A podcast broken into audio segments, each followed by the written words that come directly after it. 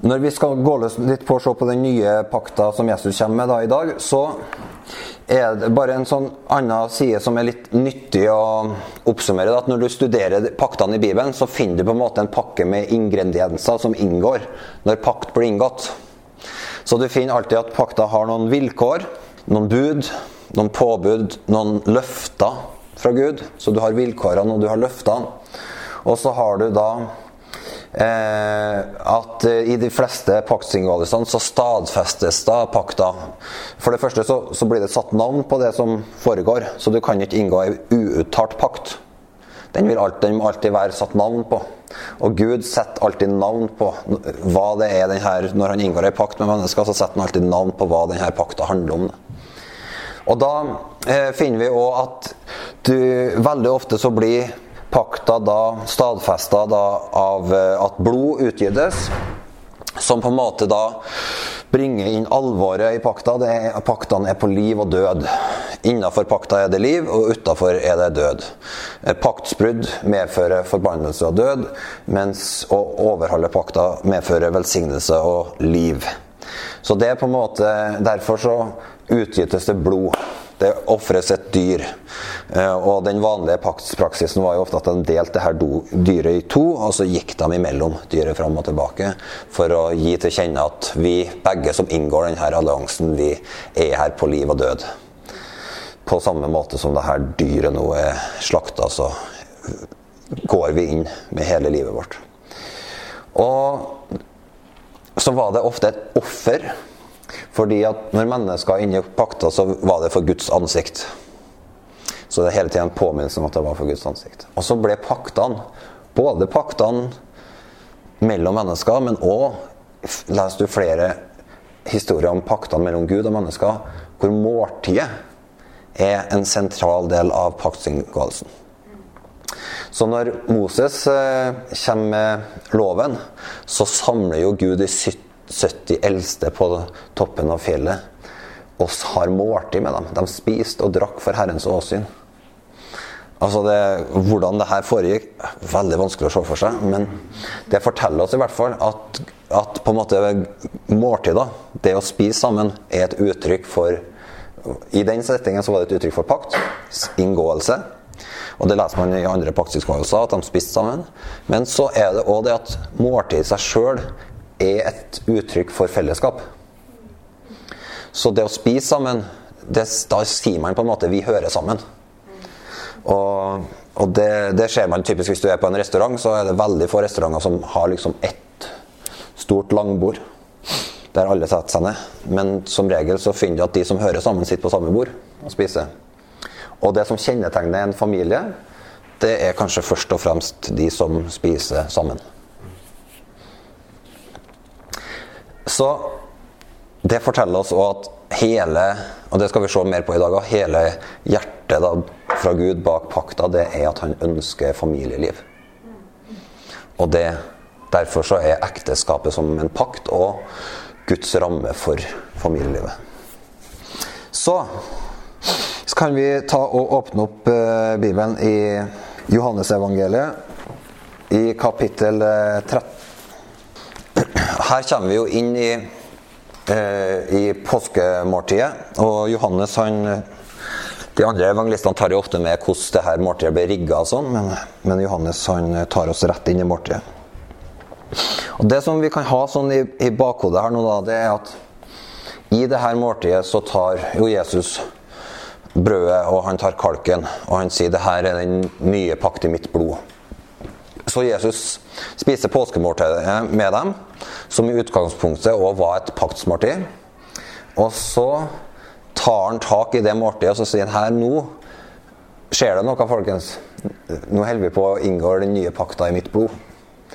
Så han sier det her måltidet handler om pakt. Og det her måltidet handler om en ny pakt som jeg kommer med.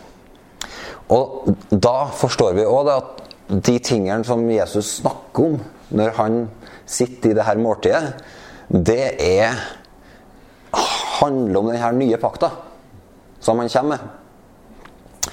Så, og det er jo litt fascinerende, fordi at uh, denne nye pakta har jo en sånn visjon over seg om at det handler om den er universell, og den er en pakt på en måte med alt Gud har skapt.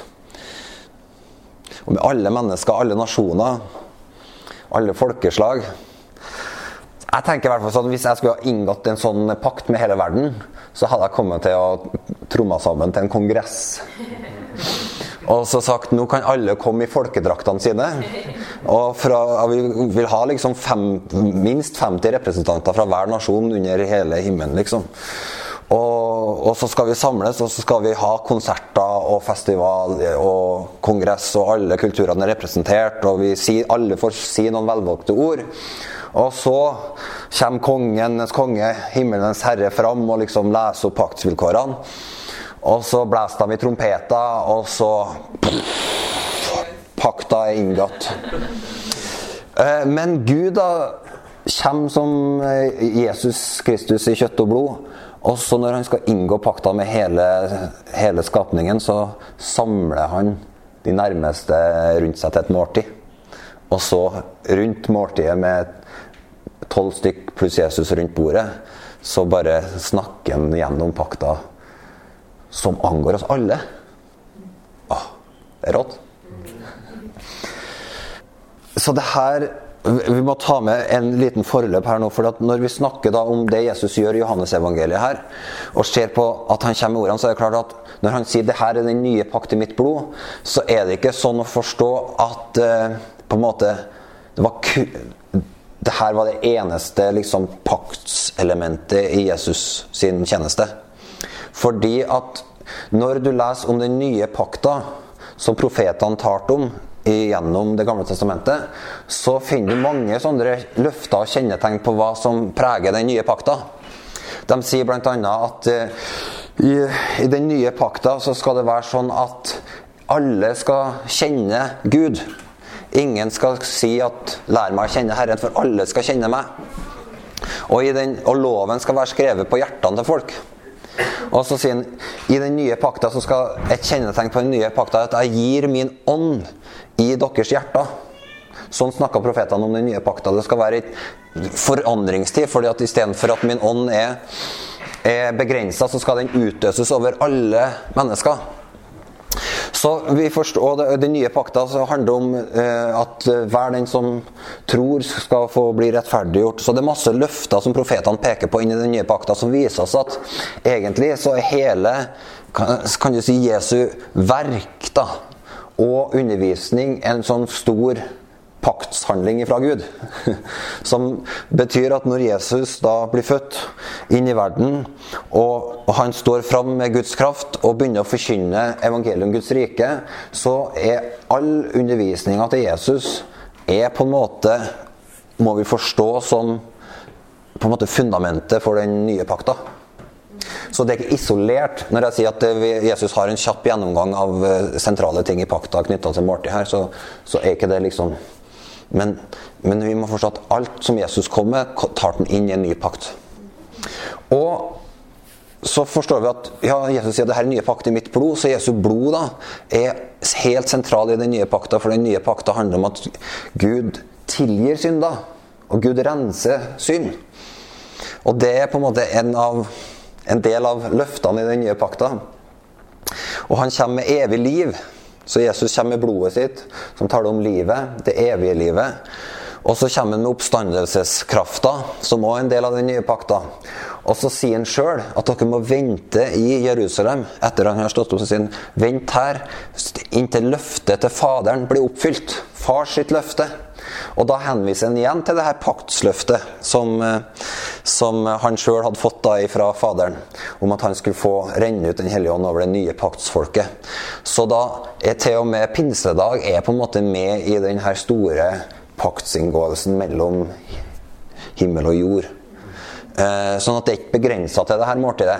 Men jeg tenker litt sånn når jeg hører Jesus sine ord, når han sitter med kalken her og sier her, Folkens, her er mitt blod, den, den, nye pakta i mitt blod, så tenker jeg at det måltidet på en måte er noe av høydepunktet i paktsinngåelsen. Så um, Og som innleder da det store offeret, paktsofferet, som Jesus sjøl ga på korset. Så når vi leser da, her, så trenger vi å høre han som Gud som kommer med sin kjærlighet og ønsker å ta oss inn i et paktsforhold til seg sjøl. Det var like Johannes 13, vers 1, det var like før påskehøytida, og Jesus visste at hans time var kommet da han skulle gå bort fra denne verden og til sin far. Han hadde elsket sine egne som var i verden, og han elsket dem helt til det siste. De holdt måltid. Djevelen, djevelen hadde alt gitt Judas, sønn av eh, Simon Iskariot, den tanken i hjertet at han skulle forråde han. Jesus visste at far hadde gitt alt i hans hånd, og at han var utgått fra Gud og gikk til Gud. Da reiser han seg fra måltidet, legger av seg kappen, tar et linklede og binder det om seg. Så heller han vann i et fat og begynner å vaske disiplenes føtter og tørke dem i linkledet som han hadde rundt livet. Han kommer til Simon Peter. Peter sier, 'Herre, vasker du mine føtter?' Jesus svarte, 'Det du gjør, forstår du ikke nå, men du skal forstå det siden.' 'Aldri i evighet skal du vaske føttene mine', sier Peter. 'Hvis jeg ikke vasker deg, har du ingen del i meg', svarte Jesus. Da sier Peter, 'Herre, ikke bare føttene, men hendene og hodet også.' Jesus sier til ham, 'Den som er badet, er helt ren og trenger bare å vaske føttene.' 'Dere er rene, men ikke alle.' For han visste hvem som skulle forråda han. Derfor sa han, dere er ikke alle rene. Da han hadde vasket føttene deres og tatt på seg kappen, tok han plass ved bordet igjen. Så sa han til dem, forstår dere hva jeg har gjort for dere? Dere kaller meg mester og herre, og dere gjør det med rette, for jeg er det. Når jeg som er Herren og Mesteren har vasket deres føtter, da skylder også dere å vaske hverandres føtter. Jeg har gitt dere et forbilde. Slik jeg har gjort mot dere, skal også dere gjøre. Sannelig, sannelig, jeg sier dere, eh, tjeneren er ikke større enn herren sin, og utsendingen er ikke større enn han som har sendt han. Nå vet dere dette, og salige er dere, så sant dere også gjør det. Så eh, Jesus, han eh, Vi kan bare ta med oss i, i vers 31 nå. Så sier han eh, Nei, i 33. Mine barn, ennå en liten stund er jeg hos dere. Dere skal søke meg, men det jeg sa til jødene, sier jeg nå til dere også. Dit jeg går, kan dere ikke komme. Et nytt bud gir jeg dere. Dere skal elske hverandre. Som jeg har elsket dere, skal dere elske hverandre. Ved dette skal alle forstå at dere er mine disipler, at dere har kjærlighet til hverandre. Så her bringer jo Jesus på en måte inn budet i den nye pakta. Og det finner vi jo igjen flere steder. At, det, at du har det her doble budet som egentlig hele pakta bygger på. Du skal elske Herren din Gud av hele ditt hjerte og elske din neste som deg sjøl. Og her på en måte utdyper Jesus òg den her 'elske din neste som deg sjøl' med at han sier 'sånn som jeg har elska dere, skal dere elske hverandre'. Eh, og, og, det er jo på, I den nye pakta så finner vi at det her Alt hviler på de her to budene. Og all Jesus sin undervisning, den vis, tar jo Når han f.eks. når Jesus gjennom bergpreken utlegger eh, loven og, og, går gjennom sentrale ting der, så merker du at han hele tida tar folk tilbake til det her doble budet da, om å elske Herren og om å elske hverandre. Fordi at han sier at, at uh, du har sagt den som det er synd å, å slå i hjel, men eh, Jesus sier nei. Men hvis du tenker ondt, eller du forbanner noen, så er du like medskyldig. Så han går liksom dypere. Eller jeg skal si det er synd å bryte ekteskapet. Nei, men hvis du ser på ei dame med, for å begjære, så har du allerede brutt det budet. Fordi at det, brut, det, går dypere enn bare handlingene, men Gud går liksom tilbake til å deale med hjertene. Så i den nye pakt så tar Gud ut steinhjertet og setter inn kjøtthjerter, sier profetene. Og gir oss av sin ånd, og så gir han oss et nytt bud, som da gjør at vi kan få leve ved Guds ånd. Så lever vi ut det her kjærlighetsbudet. Og så starter da Jesus hele måltidet med å vaske disiplene sine føtter. Eh, som da er eh, slavearbeidet. Og så sier han at jeg er en herre, men jeg gjør det her arbeidet fordi at jeg ønsker å gi dere et eksempel. Sånn som jeg har gjort mot dere, skal dere gjøre mot hverandre. Sånn som jeg har elska dere, skal dere elske hverandre. Så helt fra begynnelsen av så finner vi at Gud demonstrerer at han, han er alltid trofast og givende kjærlighet. Sånn har Gud vært fra evighet av. Og i alle paktene som vi leser om gjennom Bibelen, så finner vi at, at Gud er trofast. Han gir betingelsesløs kjærlighet. Og Jesus han tar på en måte tak i dette eksempelet, og så viser han på en måte da at uh, han som er Herre, som er den allmektige Gud, han bøyer seg ned og vasker føtter.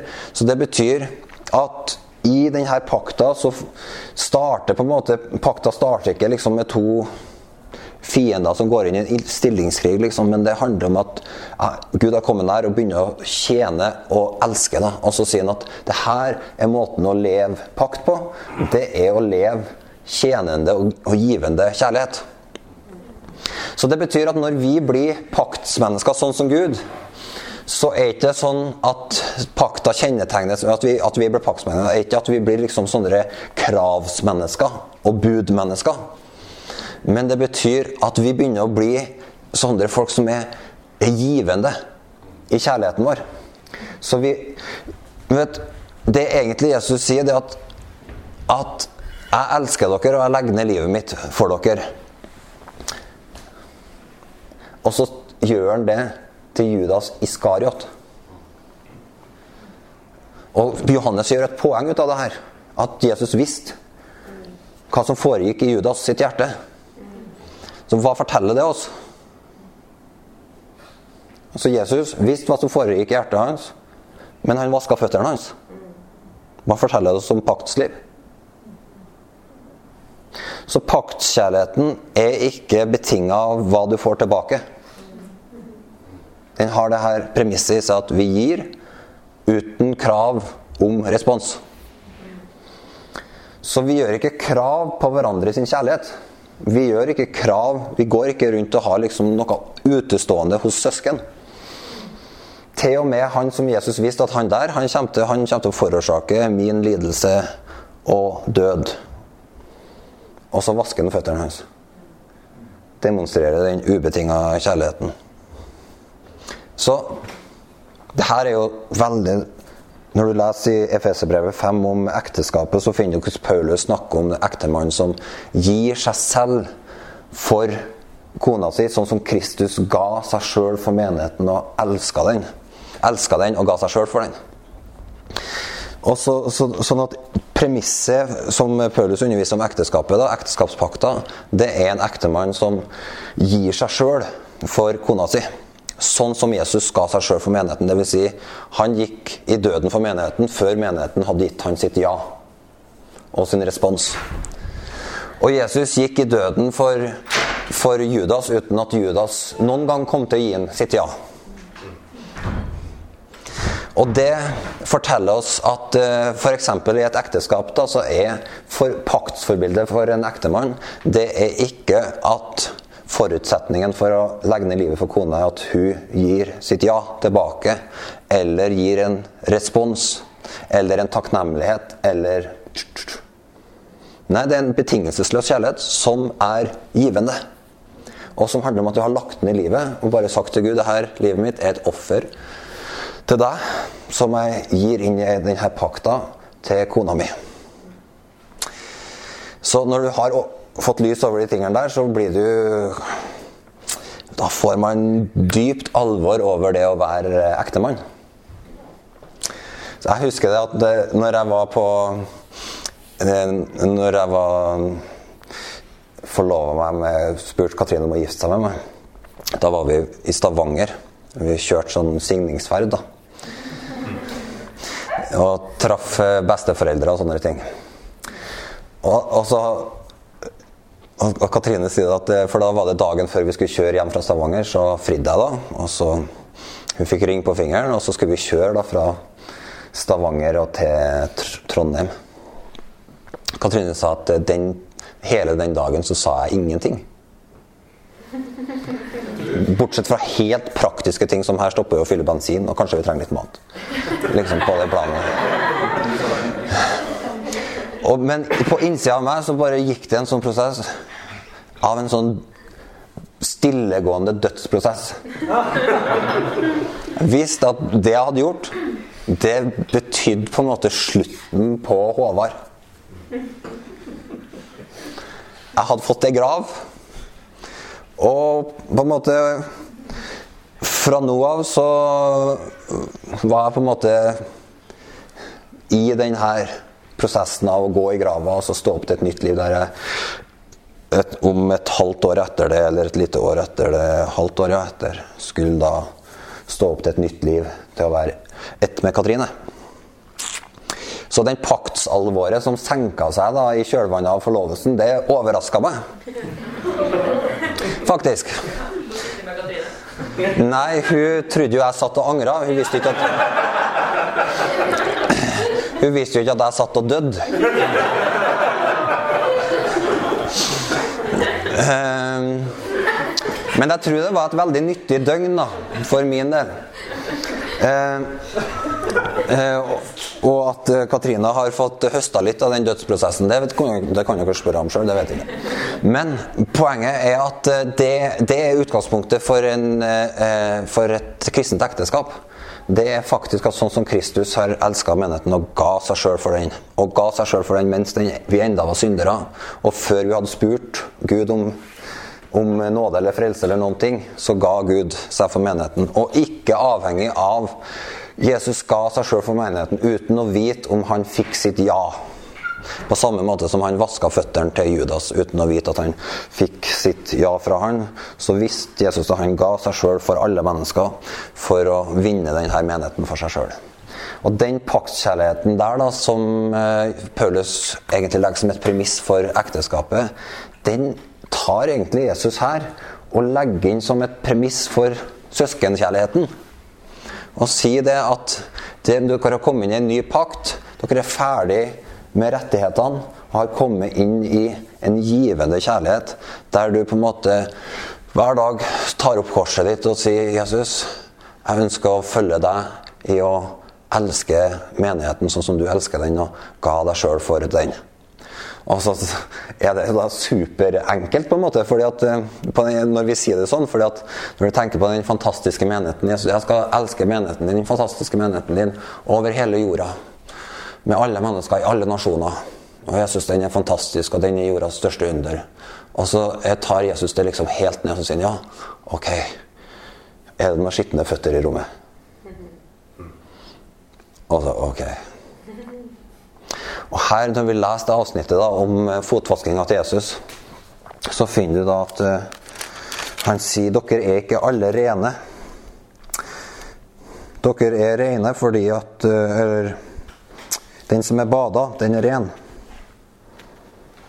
Og så sier han Og den trenger bare å vaske føttene. Dere er rene, men ikke alle.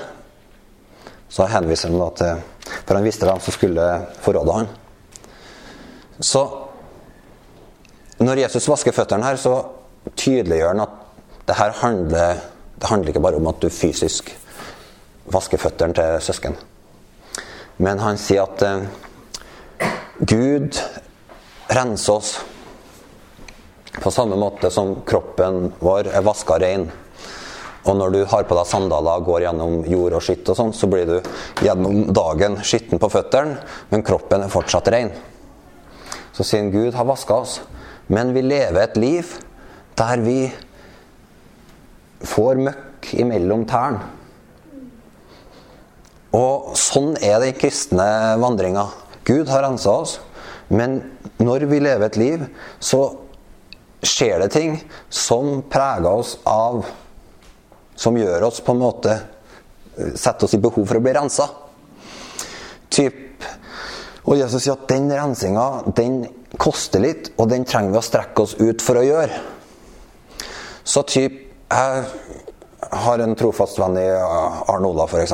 Så her for ei tid tilbake ja, Eh, er typisk Vi har sittet i en eh, samtale med noen, og så har jeg sagt noen ting. Og bak det jeg har sagt, så har det ligget noen ord eller noen holdninger og en innstilling som skaper Som ikke skaper liv. Det kan være skuffelser, agg, bitterhet. Eh, opplevelse av liksom å være tilsidesatt, være misforstått, ingen bryr seg. Og så sier eh, Arne Ola til meg Eh, Håvard, jeg ringer deg etterpå. Og så vet jeg ah, Ja. Jeg, jeg tror jeg vet hvorfor du skal ringe meg, liksom. og så ringer han, og så, og så er jo han litt, eh, litt skjelven i stemmen. Men så sier han ja du, det, Måten du sa det der på Jeg likte ikke. Det var ikke bra. Det skapte ikke liv. Nei. Du har eh, antagelig Jeg liker ikke å si det, men du har rett.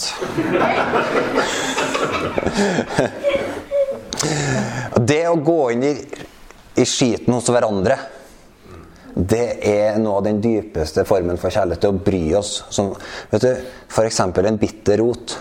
Bibelen sier det, det er livsfarlig. Det kan starte med en liten holdning av en skuffelse eller en bitterhet til Gud eller mennesker. Men det å ha søsken som faktisk adresserer det og sier at den måten, den skuffelsen og hvordan den kommer til uttrykk hos deg Du hører noen si noe om en søster eller bror, så hører du Nei, den skuffelsen i de ordene der, det er ikke rent.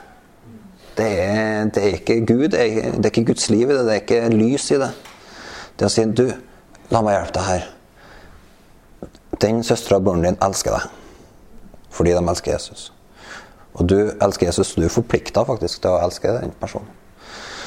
Og Jesus har sagt dere trenger å finne ut av det her. Du trenger å gå og si, del skuffelsen din. Enten så må du gjøre det opp med Gud, bli ferdig med det, eller så går du og deler skuffelsen. Og så rense lufta og får finne ut av hørte du feil. Og i ni av ti tilfeller så hører du feil fordi at du hørte noe annet enn det, det personen ønska å si. Men det at vi er Jesu kropp i møte med hverandre og vasker føtter sjøl når det stinker,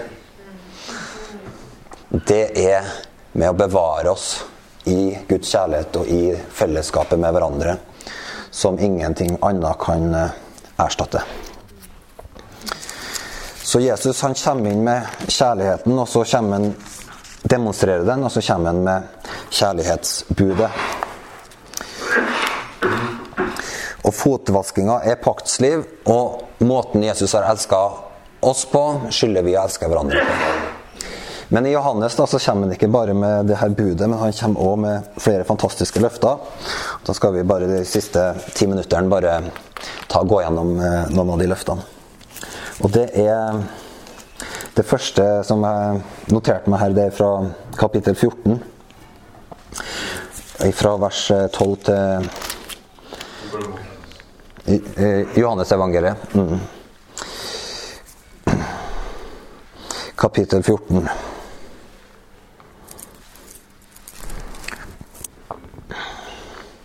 Og fra vers 12 til 14.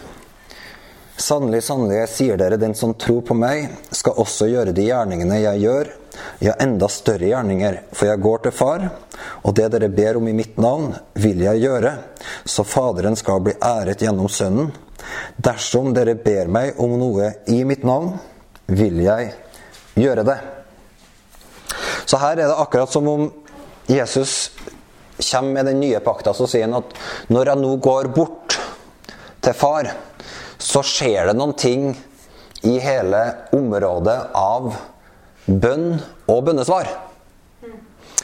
Og det finner vi uttrykt på flere forskjellige måter gjennom eh, Skriftene. Fordi at du finner annet Når Jesus dør på korset, så finner vi at forhenget inn til det aller helligste i tempelet det revner som et forbilde på det som skjedde i det himmelske, at Sønnen gikk med sitt eget blod og gjorde soning for våre synder i de himmelske salene innenfor Guds ansikt så forstår vi at det som skjedde da på, i tempelet, og den revninga av forhenget inn til det aller helligste, betyr at nå er det skjedd noen ting i adgangen vår til de himmelske tronsalene.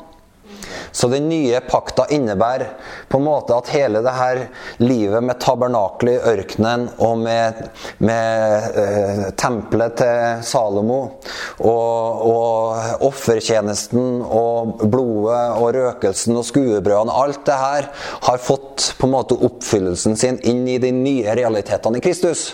Der himmelen er åpen, og vi går ikke inn i avskygninga av de himmelske helligdommene i teltet eller i tempelet, men vi kommer på en måte med frimodighet framfor nådens trone inn til far. Så Jesus han sier det her at eh, Den som tror på meg, skal også gjøre de gjerninger jeg gjør, ja, enda større gjerninger, for jeg går til Far. Og det dere ber om i mitt navn, vil jeg gjøre, så Faderen skal bli æret gjennom Sønnen. Dersom dere ber meg om noe i mitt navn, vil jeg gjøre det. Så den nye pakta innleder en ny fase i mulighetene i bønn. Og i den nye pakta så oppdager vi det at Kristus han er blitt Et av paktsløftene som vi så på på lørdagen, det var at, fra Salme 110 at Faderen sverga en ed og sa at Sønnen skal være øversteprest etter Melkisedeks vis til evig tid. Så en del av den nye pakta da, det er at Kristus har blitt øversteprest. Og han har blitt øversteprest og har fått et folk av prester som gjør tjeneste, ikke ved avskygninga av helligdommen, men i de sanne himmelske realitetene. Og Paulus snakker jo om det her i Efeserbrevet, om hvordan vi ved Ånden har blitt oppreist med Kristus og satt i det himmelske med Han. Så det betyr at i den nye pakta så, så har det skjedd noe. Vi har kommet inn i det himmelske realitetene på en ny, helt radikalt ny måte ved Den hellige ånd, som ikke var tilgjengelig i tidligere generasjoner. Og vi har òg fått en øverste prest, som Bibelen sier at han lever og går i forbønn for oss. Så det betyr det har blitt det har blitt oppretta en helt ny bønnetjeneste i himmelen. Der faktisk Sønnen sjøl lever og går i forbønn for sitt folk. Og så vi, forstår vi da at at når Jesus snakker om de tingene her, så er det så når han sier 'den som tror på meg, skal gjøre, enda, skal gjøre de gjerningene jeg gjør', ja, enda større gjerninger, for jeg går til min far, og det dere ber om i mitt navn, vil jeg gjøre, så Faderen skal bli æra gjennom Sønnen, så forstår vi at vi er tatt inn Sønnen på en måte har bana veien for et helt folk inn i fars nærvær, som har gitt oss en helt ny adgang til far, og på en helt ny måte at vi kan få ta del i Sønnens det Egentlig så tar vi del i Sønnen sitt eget bønnearbeid i det himmelske. Så når vi ber, og når vi ber ved Den hellige ånd, så blir vi tatt med inn i et Det er ikke sånn at vi ber, og så på en måte aktiveres himmelen, men det er sånn at det foregår et bønnearbeid i himmelen, og så får vi være med inn. For Jesus har gått foran oss. Han har satt i gang eh, aktiveringa av himmelen. Og så får vi være med inn og ta del i det bønnearbeidet. Og når vi tar del i det bønnearbeidet fra jorda, så er det på en måte akkurat som om himmelen befrukter jorda, og så begynner jorda å svare himmelen. Og så går det frem og tilbake, og så får vi være med i det her fellesskapet som Jesus sier 'Jeg går til far'. Så bønn har Nytestamentet, det nye pakts bønneliv, har utgangspunkt i at Jesus har gått til far. Han har åpna en ny vei innenfor nådens trone. Og vi har blitt tatt med inn i det himmelske som et prestefolk. Som er rensa av Jesu blod. Og da kan du med tårer på kinn ha en ukes bibeltime og gå gjennom alt som skjer i tabernaklet med prestekjolen som blir rensa ved blodet, som gjør at blir, presten blir helliga ved det samme blodet som han blir rensa ved. Og osv. Og, og se hvordan Gud har profetert om alt det som vi skal få del i. Men den nye pakta, det er faktisk Jesus understreker det, det innebærer en helt ny mulighet og tilgang og dimensjon i bønn. Så bønn og livet foran tronen er en veldig veldig sentral del av den nye pakta. Vers, kapittel 14 og vers 15 Dersom dere elsker meg, holder dere mine bud, og jeg vil be min far, og han skal gi dere en annen talsmann, som skal være hos dere for alltid. Sannhetens ånd, som verden ikke kan ta imot. For verden ser han ikke og kjenner han ikke, men dere kjenner han, for han blir hos dere og skal være i dere. Jeg lar dere ikke bli igjen som foreldreløse barn, jeg kommer til dere. Og så sine vers 21. Den som kjenner mine bud og holder dem, han er det som elsker meg. Og den som elsker meg, skal min far elske. Ja, også jeg skal elske han. Eh, og åpenbare meg for han. Judas, ikke Judas Iskariot, men eh, den andre Judas, sier, 'Herre, hvorfor skal du åpenbare deg for oss og ikke for verden?' Og Jesus svarte, 'Den som elsker meg, vil holde fast på mitt ord.' 'Og min far skal elske han, og vi skal komme og bo hos han.' 'Den som ikke elsker meg, holder ikke fast på mine ord.' Det ordet dere hører, er ikke fra meg, men fra Far, Han som har sendt meg. Og så sier han at talsmannen da skal komme, Den hellige ånd, som far skal sende, for å lære dere og minne dere om alt jeg har sagt.